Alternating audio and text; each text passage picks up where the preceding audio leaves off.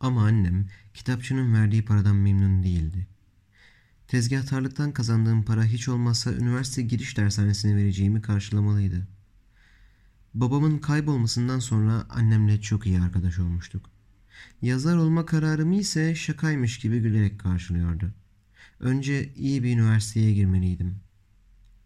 Bir gün okuldan dönünce bir içgüdüyle annemle babamın odasındaki dolaba ve çekmecelere baktım ve babamın gömleklerinin ve eşyalarının yok olduğunu gördüm. Ama babamın tütün ve kolonya kokusu hala odadaydı. Annemle ondan hiç söz etmiyorduk ve sanki gözümün önündeki hayali de hızla siliniyordu. Lise 2'yi bitirdiğim yazın başında İstanbul'dan Gebze'ye taşındık. Teyzemin kocasının Gebze'deki bahçeli evinin müştemilatında kira vermeden oturacaktık. Yazın ilk yarısında eniştemin bana göstereceği işte çalışır para biriktirirsem Temmuz'dan sonra hem Beşiktaş'taki Deniz Kitap Evi'nde tezgahtarlık edebilir hem de dershaneye gidip gelecek seneki üniversite giriş sınavlarına hazırlanabilirdim. Beşiktaş'tan ayrıldığımız için üzüldüğümü bilen patron Deniz abi yaz geceleri istersem kitap evinde uyuyabileceğimi söylemişti. Eniştemin bana verdiği iş Gebze'nin arkalarındaki bostanına ve kiraz ve şeftali bahçesine bekçilik etmekti. Bostanda bir çardak ile altında eski bir masa görmüş, oturup kitap okuyabileceğim çok vaktim olacak sanmış ve yanılmıştım. Kiraz mevsimiydi. Gürültücü arsız kargalar sürüler halinde dallara saldırıyor, çocuklar ve bitişikteki arazide yapılan büyük inşaatta çalışan işçiler meyve sebze çalmaya geliyorlardı. Bostanın yanındaki bahçede kuyusu kazılıyordu. Bazen oraya gider, aşağıda kazma kürek ile kuyu kazan usta ile onun çıkardığı toprağı yukarı çekip boşaltan iki çırağın çalışmasını seyrederdim. Çıraklar hoş bir inilti çıkaran bir tahta çıkrığı iki kolundan tutup çevirir, aşağıdan ustanın yolladığı bir kova dolusu toprağı kenardaki el arabasına boşaltırlardı. Sonra benim yaşlarımda olan çırak el arabasındaki toprağı boşaltmak için götürürken ondan daha büyük uzun boylu çırak kuyuya doğru geldi diye bağırıp aşağıdaki ustaya kovayı geri sarkıtırdı. Gün boyunca usta yukarıya nadiren çıkıyordu. Onu bir öğle molasında sigara içerken gördüm ilk. Babam gibi uzun boylu, yakışıklı, inceydi. Ama babam gibi sakin, güler yüzlü değil, öfkeliydi. Çırakları sık sık azarlıyordu. Çıraklar azarlandıklarına tanık olmamdan hoşlanmazlar diye usta yukarıdayken kuyuya fazla yaklaşmıyordum. Haziran'ın ortasında bir gün kuyu tarafından neşeli haykırışlar ve silah sesleri geldi. Yaklaşıp baktım. Kuyudan su çıkmış. Haberi işiten Rizeli arazi sahibi koşup gelmiş, sevinçten tabancasıyla havaya ateş ediyordu. Tatlı bir barut kokusu aldım. Arazi sahibi ustaya ve çıraklara bahşiş dağıttı. Kuyuyu bu araziye yapacağı inşaatlarda kullanacaktı. Şehir suyu henüz Gebze'nin arkalarına kadar gelmemişti. Ondan sonraki günlerde ustanın çırakları azarladığını işitmedim. Bir at arabası torbalarla çimento ve biraz demir getirdi. Bir öğleden sonra usta kuyunun ağzına beton döktü. Bir de demirden kapak taktı. Herkes keyifli olduğu için artık onlara daha çok sokuluyordum. Bir başka öğleden sonra kuyunun başında kimse yoktur zannederek oraya yürüdüm. Zeytin ve kiraz ağaçları arasından Mahmut Usta çıka geldi. Elinde kuyuya taktığı elektrikli motorun bir parçası vardı. Delikanlı, bakıyorum sen bu işlere meraklısın, dedi. Jules Verne'in dünyanın bir ucundan girip öteki ucundan çıkan roman kahramanlarını düşündüm. Küçük çekmecenin arkalarında bir kuyu işine gidiyordum. Bu çıraklar bırakıyor. Seni götüreyim mi? Kafamın karıştığını görünce iyi bir kuyucu çırağının yevmiyesinin bir bostan bekçisinin yevmiyesinin dört katı olduğunu söyledi. On günde biterdi işimiz. Hemen geri dönerdim evime. Evde asla izin vermem dedi annem. Sen kuyucu olmayacaksın. Üniversitede çok güzel okuyacaksın. Ama hızlı para kazanmak aklıma takılmıştı bir kere.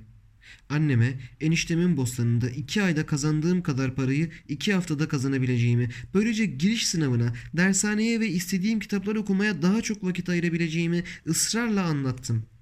Hatta zavallı anneciğimi tehdit ettim. İzin vermezsen kaçar giderim dedim.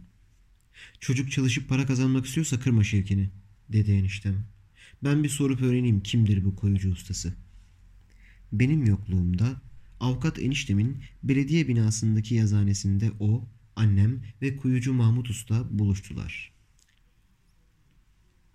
Benim değil ama ikinci bir çırağın kuyuya ineceği konusunda da anlaştılar.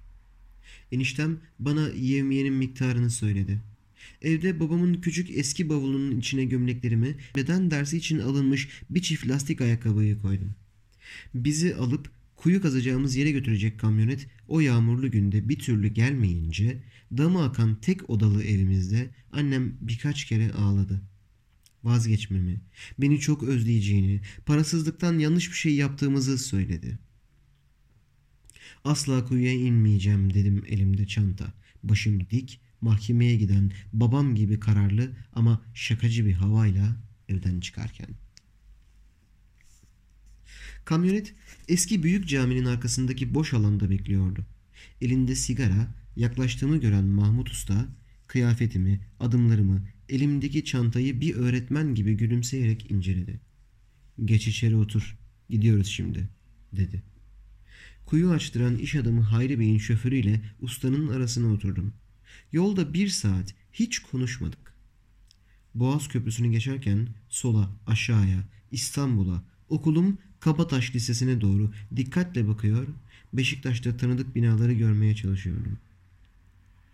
Merak etme çabuk biter işimiz, dedi Mahmut Usta. Dershanene de yetişirsin. Annem ve eniştemin benim dertlerimden söz etmiş olmaları hoşuma gitti. Güven duydum ona. Köprüyü geçtikten sonra İstanbul trafiğine takıldık ve ancak batan güneş yakıcı ışınlarını tam karşımızdan gözümüzün içine dikerken şehir dışına çıkabildik.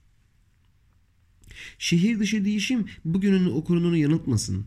O zamanlar İstanbul'un nüfusu bu hikayeyi sizlere anlattığım bugün olduğu gibi 15 milyon değil 5 milyondu.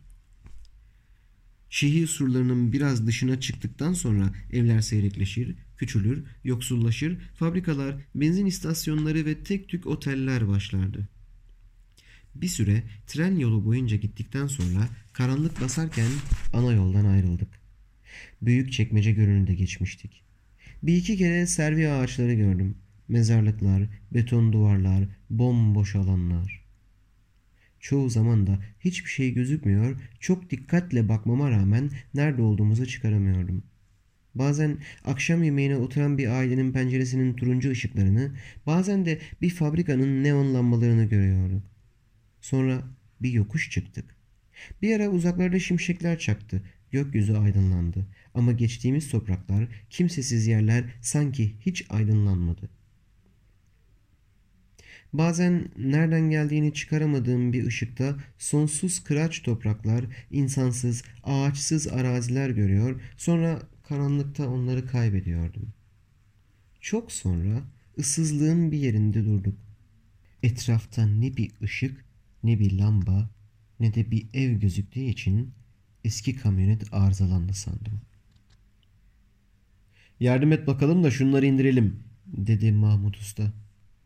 Keresteleri, çıkrığın parçalarını, kapkacağı, iple sarılmış iki şilteyi, kaba plastik torbalar içindeki eşyaları, kazı aletlerini indirdik. Şoför hadi hayırlısı kolay gelsin deyip kamyonetiyle uzaklaşınca zifiri karanlıkta olduğumuzu fark ederek telaşlandım.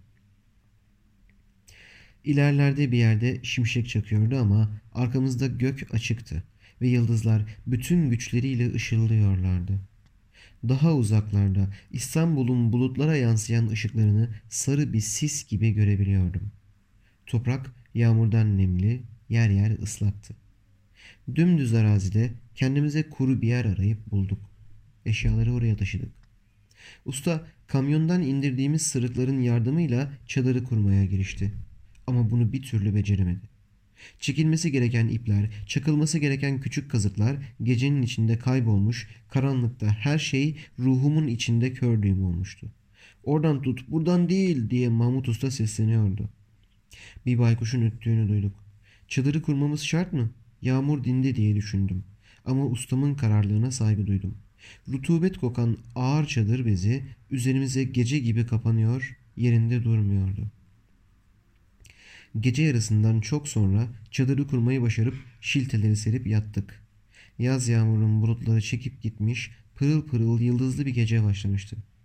Yakınlarda bir yerden de bir cırcır böceğinin sesini duyunca rahatladım. Yatağıma uzanınca hemen uyuyakalmışım.